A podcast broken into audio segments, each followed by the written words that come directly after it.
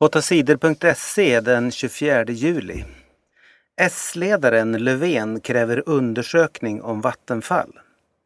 Det statliga energiföretaget Vattenfall har stora problem. Vattenfall förlorar pengar och måste spara. Flera tusen anställda måste sluta. Det berättade Vattenfalls chefer på tisdagen. Företaget delas och regeringen säger att den utländska delen av Vattenfall kanske ska säljas.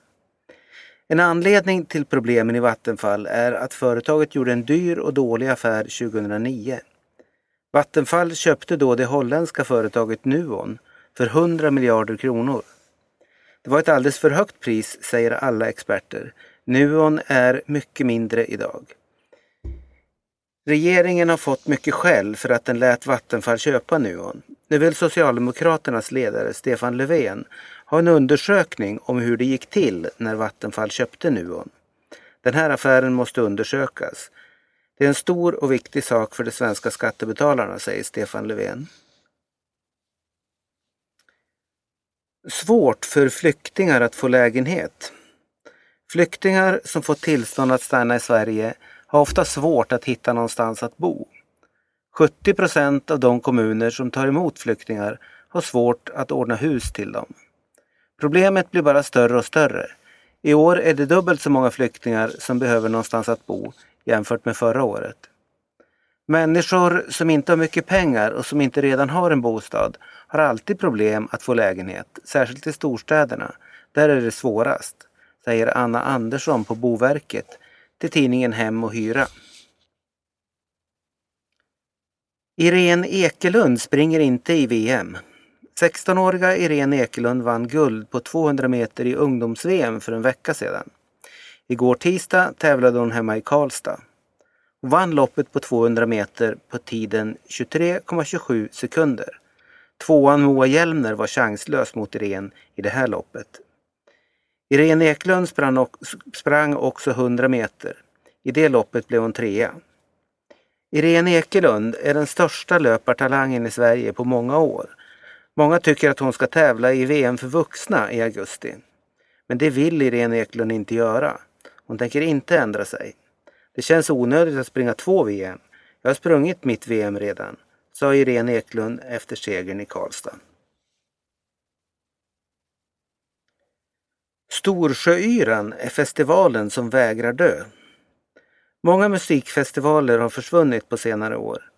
I sommar tvingades Peace and Love i Borlänge och Siesta-festivalen i Hässleholm att ge upp. Men det finns musikfestivaler som vägrar dö. Storsjöyran i Östersund är en av dem. Yran är Sveriges äldsta musikfest. Den har funnits i 30 år. Den 26 till 27 juli är det dags för årets fest. First Aid Kit, Bad Religion, Alice Cooper, In Flames och Mando Diao är några av artisterna som spelar på Storsjöyran i år. Vi har också varit tvungna att spara, men vi sparar inte på artisterna, säger Stefan Kauppi som är chef för Storsjöyran. PSG vann mot Hammarby. Zlatan och hans franska klubb PSG är på besök i Sverige. På tisdagen spelade PSG en vänskapsmatch mot Hammarby. Matchen spelades på nya Tele2 Arena i Stockholm. Det franska topplaget har precis börjat träna igen efter semestern. PSG vann ändå lätt med 2-0. Zlatan spelade bara i första halvlek. Han var på bra spelhumör och bjöd publiken på flera klacksparkar och snygga finter. Men något mål blev det inte för skyttekungen Zlatan den här kvällen. Älg sköts mitt i Göteborg. En älg sprang på tisdagen omkring i Göteborg. Poliser försökte först jaga iväg älgen ut ur staden. Men det lyckades inte. Älgen tog sig bara närmare centrum. Poliserna var oroliga för att älgen kunde skada någon människa. Till slut blev de tvungna att skjuta älgen.